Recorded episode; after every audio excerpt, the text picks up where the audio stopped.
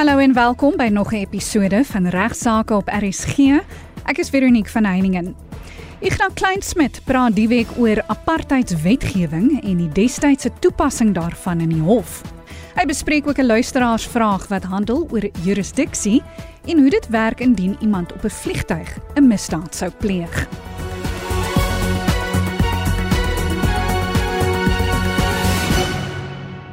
Die week begin ons die program met Ignas wat praat oor apartheidswetgewing en hoe dit destyds in die hof toegepas is. Hy bespreek 'n spesifieke geval. Goeiemôre Veronique, goeiemôre luisteraars.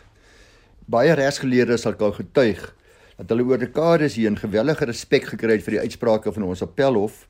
En dit is nou vir al die appelregters wat oor baie lang tyd toe ek 'n jong man was en daarna uitstekende werk gelewer het. En dis ook duidelik as jy die hofverslae gaan lees wat dekades lank baie deeglik gedokumenteer is.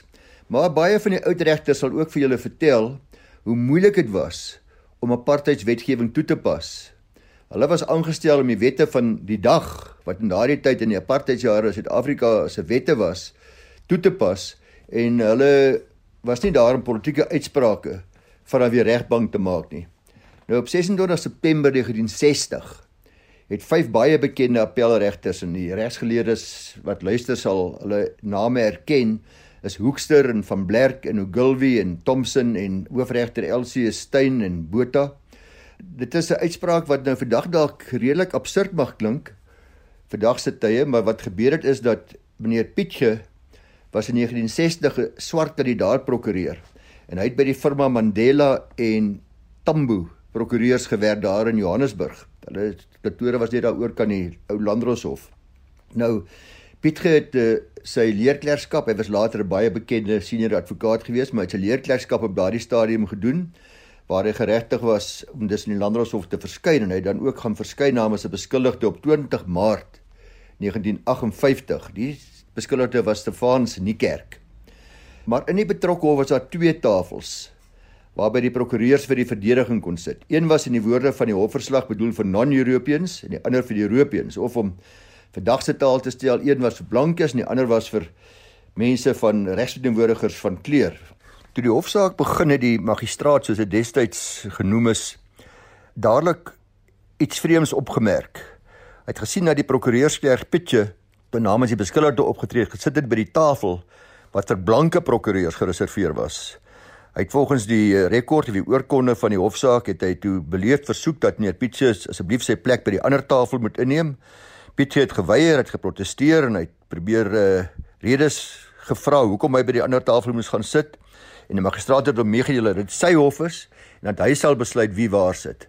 Hy nie bereid is om verder oor die saak met die appellant te argumenteer nie. Die volgende gesprek, ek gaan dit verbatim aanhaal tussen die appellant en die magistraat het toeplase van die appellant. Is this an order of court? Magistraat, yes, this is an order of court and unless you comply with it, I shall have no alternative but to fine you for contempt of court. Appellant, I must protest. Magistraat, I have already warned you what the consequences will be unless you abide by the order of the court. But I demand an explanation, said the appellant. Magistraat, If you do not address me from the correct table I indicated, then I'm not prepared to listen to any further argument by you. Appellant, I'm not arguing or protesting. Magistraat, are you or are you not prepared to occupy the right table? Appellant weer, I must protest. Magistraat, in that case you are fined 5 days or 5 pounds for contempt of court. Nou die firma Mandela en Tambo prokureurs het toe namens Pitget teen hierdie beslissing appel aangeteken by die Transvaalse provinsiale afdeling. Hulle verwerp die appel en hulle handhaaf die beslissing van die magistraat en toe teken Mandela en Tambo se firma appel aan na die appelhof van Bloemfontein. En die hoofregter saam met die regters wat ek vir u genoem het, het hierdie appel aangehoor. En interessant ook dat volgens die hofverslag het die bekende George Bizos opgetree vir die appellant Pitget advokaat Bisos is oorlede op die 9de September 2020 maar 'n baie bekende menseregte prokureur in Suid-Afrika, hierdie Griekse advokaat. Die appellant het beweer dat die magistraat geen mag gehad het om 'n bevel te gee dat sekere prokureurs by een tafel en ander prokureurs by 'n ander tafel moes sit nie. Die hof het daarop gewys dat die twee tafels nie regtig gereserveer was net vir onderskeidelik blanke of gekleurde praktisyns nie, maar dat daar 'n wet is, naamlik Wet 49 van 53 wat bepaal dat iemand in beheer van 'n openbare perseel wel aparte geriewe vir aparte groepe mense kon aanwys. Dit was binne die diskresie van die persoon in beheer omdat dit dan die gerieflikste vir almal teenwoordig sou wees. Dit is wat die wet bepaal het. Die hof het voorsaap gewys, die magistraat en die appelhof daarna dat hoewel die tafels dus nie volgens hierdie wet vir spesifieke groepe gereserveer was nie, dit egter nie beteken het dat die magistraat self nie die mag gehad het om self te reël wat in sy hof moet plaasvind nie. Die hof stel duidelik dat die magistraat het soos enige ander regterlike funksionaris in beheer van die hofsaal opgetree en die prosedure binne die hof en alle insidentele aangeleenthede wat nie deur die reg gereguleer word nie, val binne die magistraat se diskresie. So die appelhof sê Piet kan dalk hierdie diskresie teestaan op grond daarvan dat dit onredelik uitgeoefen is, maar dit sou kon voorspruit uit beweerde ongelykheid in die behandeling van praktisyns, maar die hof voeg by dit blyk dat 'n prokureur of praktisyn in presies dieselfde posisie is as 'n ander praktisyn maak nie saak by watter tafel mense sit nie ook sou iemand nie in die geringste mate in sy hantering van die saak benadeel word net omdat die magistraat sê by 'n sekere spesifieke tafel sit nie. Die hof sê ook dit is soveel makliker om die magistraat se bevel as redelik te beskou in die lig van wet 49 van 53. Die hof het aangevoer dat dit 'n bevoegde bevel en binne die mag van daardie magistraat was. Dit is verder interessant om daarop te let dat die hof uitwys dat hierdie optrede van Piet geëindelik opsetlik was Veronique want ongeveer 10 dae voor hierdie voorval het Oliver Tambo self in 'n ander saak voor dieselfde magistraat verskyn en dit was ook dieselfde storie hy het ook by die verkeerde tafel gaan sit daar was toe 'n lang uitgerekte argument tussen Tambo en die magistraat en tydens hierdie argument het Tambo onder meer gevra dat die magistraat homself van die saak moet onttrek want hy is bevooroordeel toe is die saak uitgestel 'n halfuur later het Tambo namens dieselfde Stefans Niekerk verskyn. Hy het weer eens by die tafel vir blankes gaan sit en die magistraat uitgenooi om nog 'n bevel te maak dat hy nie daar mag sit nie. Die magistraat het Tambo egter meegedeel dat hy hom nie hoor voordat Tambo vanaf die regte tafel praat nie. Toe Tambo hom in die saak onttrek. Nou die hof het aangevoer dat Piet natuurlik van hierdie voorvalle kennis gedra het en dis met opset weer by die verkeerde tafel gaan sit het in opdrag natuurlik van sy werkgewers dis Mandela en Tambo. Hy het met ander woorde eintlik verwag dat die magistraat hom sou beveel om van tafel te verwissel en Piet gewis het uit die staanspoor van voorneme om nie aan hierdie versoek te voldoen nie. Sy bedoeling was om te onttrek op grond daarvan dat die belange van die beskuldigde nie behoorlik gedien kan word nie. Daar was dus nie 'n behoorlike verhoor nie en uh, Piet gesou daarvan weerhou wees om die beskuldigde behoorlik te verdedig. Dit sou al 'n argument wees. Die hof bevestig egter dat Pietjie se versuim om aan die hofbevel te voldoen vooraf beplan was. Dis kon hy nie in die situasie beweer dat sy voorneme nie in elk geval was om 'n magistraat te beledig en die hof se reëlings te minag nie. So die uitslag was dat Pietjie se optrede is as minagting van die hof aangedui en sy appel is deur die appelhof met kostes van die hand gewys. So mens kan maar sê dat Pietjie se pittige verseg om te versit aksie het toe eintlik teenproduktief vir hom gewerk maar nie omdat die apartheidswetgewing reg was nie, maar vanweë die reg van 'n magistraat op daardie stadium om sy eie hofsaak se te reël en die bevoegdhede gehad het, diskresie gehad het om te sê wie waar mag sit. Goed, Ignas praat nou oor jurisdiksie en spesifiek indien 'n persoon byvoorbeeld op 'n vliegtyg 'n misdaad sou pleeg. Nou uh, ek kan dan baie interessante gevalle dink. Ek dink die bekendste is wat gebeur het op die 9 November 2001 in die Amerika in New York toe uh, terroriste met stralers teen die wêreld handelsentrum vasgevlieg het. En die vraag is hoe die Suid-Afrikaanse reg hierdie beginsel dan sou toepas. Algemene beginsel is dat die howe in ons land slegs jurisdiksie het oor oortredings wat binne die gebiedsgrense van Suid-Afrika gepleeg is. Maar daar's uitsonderings soos hoogverraad is 'n uitsondering want dit word dikwels gepleeg op buitelandse grond. Byvoorbeeld wanneer 'n Suid-Afrikaanse burger in oorlogstye 'n inwoner van die vyand se land is en deel van hulle weermag word, sal dit hoogverraad wees. Binnelandse diefstal, die Suid-Afrikaanse hof sal jurisdiksie hê om 'n aanklag van diefstal aan te hoor. Dit is as die diefstal 'n voortdurende oortreding was wat aanvanklik in die buiteland gepleeg was en uh nie net maar daarna oorgekom het na Suid-Afrika nie, nie noodwendig omdat dit beskou word as diefstal in die buiteland nie, maar omdat die beskuldigde se doel was om hierdie diefstal daar in Suid-Afrika voort te sit of hierdie bedrog. Dan is daar ook wat oortredings op skepe betref wat sy oorvra. Daar word onderskei tussen verskillende oortredings wat die op Suid-Afrikaanse skepe op die oopsee of deur Suid-Afrikaanse burgers op ander skepe. Nou, die wat gepleeg is binne die gebiedsgrense van die republiek as ook deur kapery is natuurlik maklik want dit word deur Suid-Afrikaanse howe gedoen, maar die gebiedswaters van 'n staat vorm deel van daardie staat se jurisdiksiegebied kragtens die internasionale reg. Nou wat oortredings op vliegtye betref, net vinnig, jy moet mense onderskei tussen dit wat weer eens op 'n Suid-Afrikaanse vliegtyg op SAL eh, byvoorbeeld gepleeg is, waar ook al in die wêreld of in die lug of op land en dan ook want dit is natuurlik ons jurisdiksie of oortredings wat gewoonlik dis dit kapings wat gepleeg is buite die Republiek van Suid-Afrika aan boord van vliegtye wat nie Suid-Afrikaanse vliegtye is nie wat van ander lande afkomstig is. En dan is daar 'n paar vereistes indien die vliegtyg in die Republiek land met die oortreder steeds aan boord of indien die huurder van die vliegtyg se hoofsaak se hoofsaaklike omgewing of permanente verblyfplek in die Republiek is of indien die oortreder die Republiek teenwoordig is, dan sal ons ook jurisdiksie hê. Alhoewel dit nie deel van die vraag is, kan ek miskien maar ook aansluit by die oortredings wat Suid-Afrikaanse burgers in die buiteland pleeg. Hoe werk jurisdiksie dan? Dit gebeur dikwels dat die beskuldigde of die misdryf in die buiteland gepleeg het of na die buiteland uitgewyk het. Nou daar's 'n paar interessante gevalle waarmee mense moet rekening hou. Die eerste een is Antarktika. Interessant dat oortredings deur 'n Suid-Afrikaanse burger in Antarktika is aan regspraak in Suid-Afrika onderworpe. Vir die doel van die regsadministrasie word Antarktika dus beskou as binne die Landros distrik van Pretoria te wees. Nou wat ontvoerings uit die buiteland betref, oortredings waar die beskuldigde hom of haar in die buiteland bevind, wanneer agente dan van die Suid-Afrikaanse gesagsinstansies 'n beskuldigde onwettig uit die buiteland ontvoer en aan die SAPD oorhandig, sal die hof geen jurisdiksie hê nie en sal so iemand ook nie verhoor kan word nie, dit moet dus deur die regte uitleweringskanale plaasvind. Dan nog 'n interessante uitsondering is die ambassades.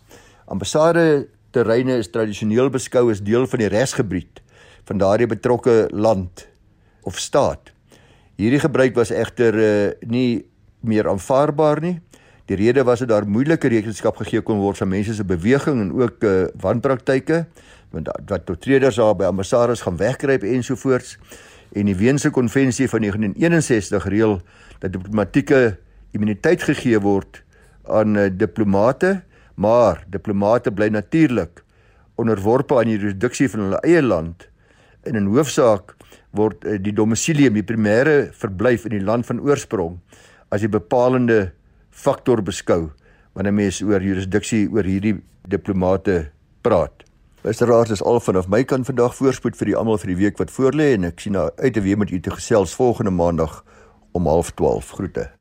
Die week verwelkom ek graag vir Volker Kreur van van Velden Duffy Prokureurs in Rustenburg. Het jy al ooit gewonder oor sosiale media en kontrakte sluit? Wel, Volker Kreur bespreek vandag 'n spesifieke geval wat handel oor kontrakte en of dit byvoorbeeld per WhatsApp gesluit kan word. Kom ons hoor wat sê Volker. Ja, dankie Veronique. Dag sê luisteraars. Ja, kan 'n kontrak via WhatsApp boodskappe gesluit word? Kan 'n kontrak byvoorbeeld met die thumbs up emoji, die duim op prentjie wat iemand per WhatsApp stuur, bevestig word en daardeur gesluit word? Ons kyk vandag eerstens na 'n Kanadese hofsaak en dan later ook na 'n Suid-Afrikaanse een wat met hierdie vraag handel en dan gaan ek ook maar probeer om oor die algemeen te verduidelik hoe die relevante beginsels in die Suid-Afrikaanse reg in die verband werk. Maar kom ons begin met die Kanadese hofsaak. Die feite was die volgende: 'n koper van graan het vir 'n boer 'n getekende koopkontrak van 'n sekere aantal ton van die graan gestuur wat geteken was per WhatsApp. En die boer het toe per WhatsApp gereageer met 'n duim op prentjie wat hy gestuur het vir die koper. Daarna het die koper egter nie die kontrak kon afdwing nie omdat die boer geweier het om daaraan gehoor te gee. Die boer het geargumenteer dat hy deur die stuur van die duim op prentjie bloot eenvoudig ontvangs bevestig het van die kontrak en dat die ooreenkoms dus nog nie gesluit was nie terwyl die koper geargumenteer het en uiteraard aanvaar mense dat hy 'n baie goeie prys gekry het vir die betrokke graan as 'n koper het geargumenteer dat daardie klare bevestiging van die kontrak was en hy dus afdwingbare kontrak gehad het wat hy teen die boer kon gebruik. Die saak het toe in die hof geland en redelik onlangs het die hof in Kanada beslis dat die koper reg is en dat die boer inderdaad deur die stuur van die WhatsApp 'n kontrak gesluit het. So in daardie geval was die hofsaak teen die boer inderdaad suksesvol en 'n boodskap dat 'n kontrak in die Kanadese reg so gesluit kan word. Maar kom ons kyk na die Suid-Afrikaanse reg. Nou, na my mening sou die howe in Suid-Afrika tot 'n soortgelyke gevolgtrekking gekom het op daai feite van die Kanadese hofsaak. In Suid-Afrika kom 'n kontrak altyd tot stand by wyse van 'n aanbod en 'n aanname ten opsigte van die essensiële elemente van die betrokke kontrak. Byvoorbeeld in die geval van 'n koopkontrak moet die identiteit van die verkoper vas wees, die koper se identiteit, die koopsaak en die koopprys. En dis al. So as daai 3 elemente daar is, dan het jy 'n geldige en afdwingbare koopkontrak. So kom ons sê twee boere kommunikeer via WhatsApp oor die verkoop van 12 beeste vir 100 000 rand. En uit die boodskappe is dit duidelik dat hulle inderdaad wilsooreenstemming bereik het ten opsigte van die prys en die koopsaak. En dan het jy inderdaad in ons reg 'n geldige kontrak. Dieselfde sou geld as hulle mondelings ooreenkomste in die verband sou sluit. Of as hulle dalk vir 'n baie groter koopprys, kom ons sê 10 miljoen rand se buffels word verkoop by wyse van 'n bladskut na mondelingse onderhandelinge. As dit duidelik is dat die partye op die prys en die koopsaak ooreengekom het, dan het jy 'n geldige koopkontrak al is dit nie op skrif nie. Nou dis as gevolg van die feit dat daar vir hierdie tipe koopkontrakte van roerende bates geen spesifieke formaliteitsvereistes in ons reg is nie. Nou voordat ons by die baie interessante Suid-Afrikaanse hofsaak oor WhatsApp boodskappe en die sluiting van 'n kontrak kom, wil ek eers die volgende draai met ons gesprek vanoggend gooi. Nou baie jare terug toe ek op Tikkies op universiteit was, het die ingenieurstudente byvoorbeeld gereeld ons regstudente aangevat en vir ons gesê dat ons is eintlik maar parasiete daar's niks wat ons konstruktief tot die ekonomie bydra nie. Ons bou nie iets nie. Ons steur maar net op ander mense se teespoed. Nou uh, ek dink dit is nie waar nie. As regsgeleerdes as prokureurs is ons deel van die regstelsel wat sorg dat die regte omstandighede geskep kan word sodat die ekonomie suksesvol kan funksioneer. So daai prokureurs grappies wat 'n mens gereeld hoor en wat ook destyds deur ons vriende nou weet uh, vyande nodig as jy sulke vriende het vir ons vertel is soos byvoorbeeld wat noem jy as jy 1000 progrees op die seebodem vind 'n goeie begin is natuurlik die antwoord wat hulle dan vir jou gee nou my argument was maar altyd dat die hele ekonomie op kontrakte gebaseer is en weer eens speel progrees soos ander regsgeleerdes 'n belangrike rol om te sorg dat kontrakte afgedwing word en afgedwing kan word. As dit nie die geval sou wees nie, sou dit chaos wees. Sou daar eintlik geen ekonomie bestaan nie en dan sou dit nie eens gehelp het nie as daar ingenieurs is wat en paaie en geboue en so meer bou nie. As jy petrol ingooi, sluit jy 'n kontrak. As jy by die restaurant eet, sluit jy 'n ooreenkoms. As jy fliek gaan kyk of as jy vakansieverblyf aanlyn bespreek, dan sluit jy ooreenkoms. Of as jy byvoorbeeld in 'n kroeg instap en daar's 'n bord wat sê reg van toegang voorbehou, dan sluit jy inderdaad eintlik ook 'n kontrak en gee jy daardeur die persoon in beheer van die perseel die reg om jou te vra om die perseel te verlaat omdat jy in die kroeg ingestap het terwyl jy die bord gesien het of moes gesien het en dis aanvaar ons reg dat jy dan oor die einkoms gesluit het dat jy aanvaar dat die reg van toegang voorbehou is wat beteken dat hulle vir jou kan vra om die perseel te verlaat. Of as jy by die skougronde instap en daar's 'n bord wat sê jy gebruik al die fasiliteite op eie risiko dan sluit jy inderdaad ook oor einkoms waar volgens jy die persoon in beheer vrywaar teen enige eise vir skade of verliese wat jy dalk sou ly as daar byvoorbeeld iemand op 'n pretrit beseer word, jy of jou familie of wat ook al. En dan is daardie vrywaring ook afdwingbaar omdat jy die bord gesien het of moes gesien het wat duidelik by die ingang byvoorbeeld van die betrokke perseel opgerig is.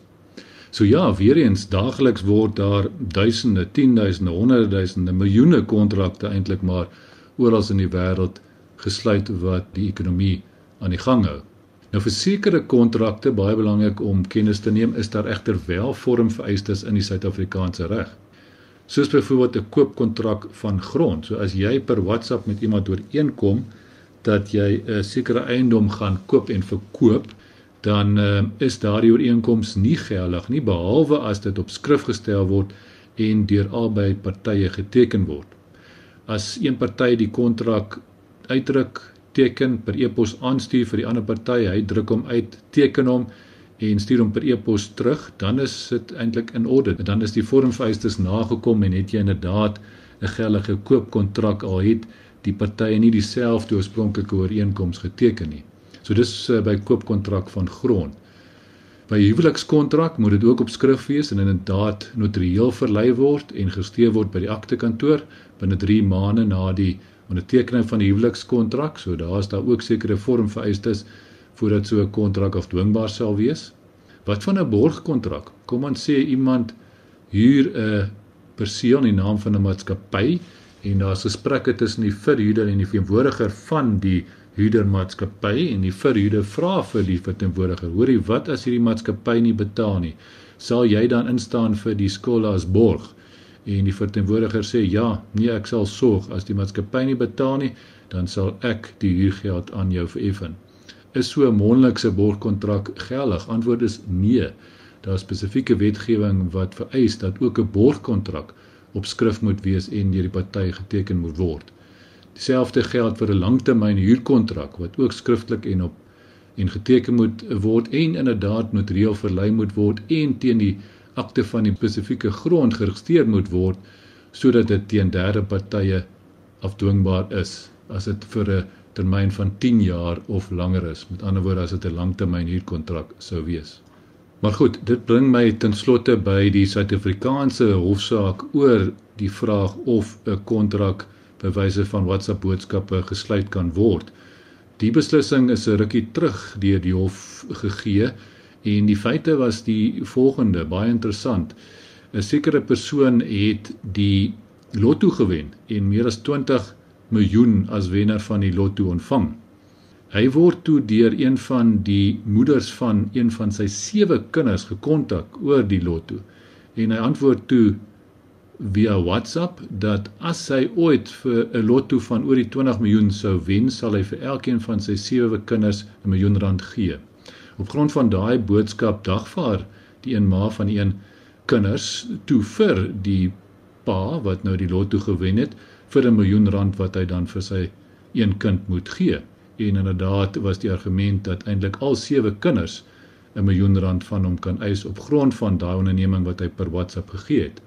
Nou interessant genoeg het die Hooggeregshof ten gunste van die ma beslis, so daar was hy suksesvol, maar op appel het die hoogste hof van appel ten gunste van die pa beslis en gesê dat as jy kyk na die feite, na die bewoording van die boodskappe en so meer, was dit bloot 'n hipotetiese stelling wat die pa gemaak het toe hy per WhatsApp gesê het hy gaan elkeen van sy kinders die miljoen rand gee.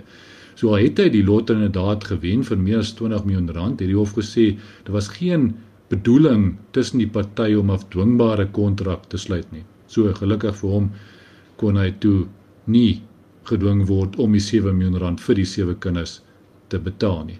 So al was die hofsaak nie nie suksesvol nie, dink ek is die boodskap nog steeds duidelik dat jy kan by wyse van WhatsApp ooreenkomste sluit en selfs daardie tipe ooreenkomste so 'n onderneming om die geld vir die kinders te betaal sou afdwingbaar gewees het, dan is dit per WhatsApp gestuur as die bewoording dit duidelik gemaak het dat die partye bedoel het om 'n bindende kontrak te sluit. So wees maar versigtig wat jy per WhatsApp vir mense stuur aangesien dit kan beteken dat jy 'n afdwingbare kontrak sluit. Baie dankie aan Ignas Kleinsmid en Volker Kreur, beide van van Velden Duffy Prokureurs in Rustenburg vir hulle bydraes tot vandag se program. Vir enige navrae, stuur gerus 'n e-pos na my toe by vero@rsg.co.za. Van my Veronique van Heiningen, groete tot volgende week.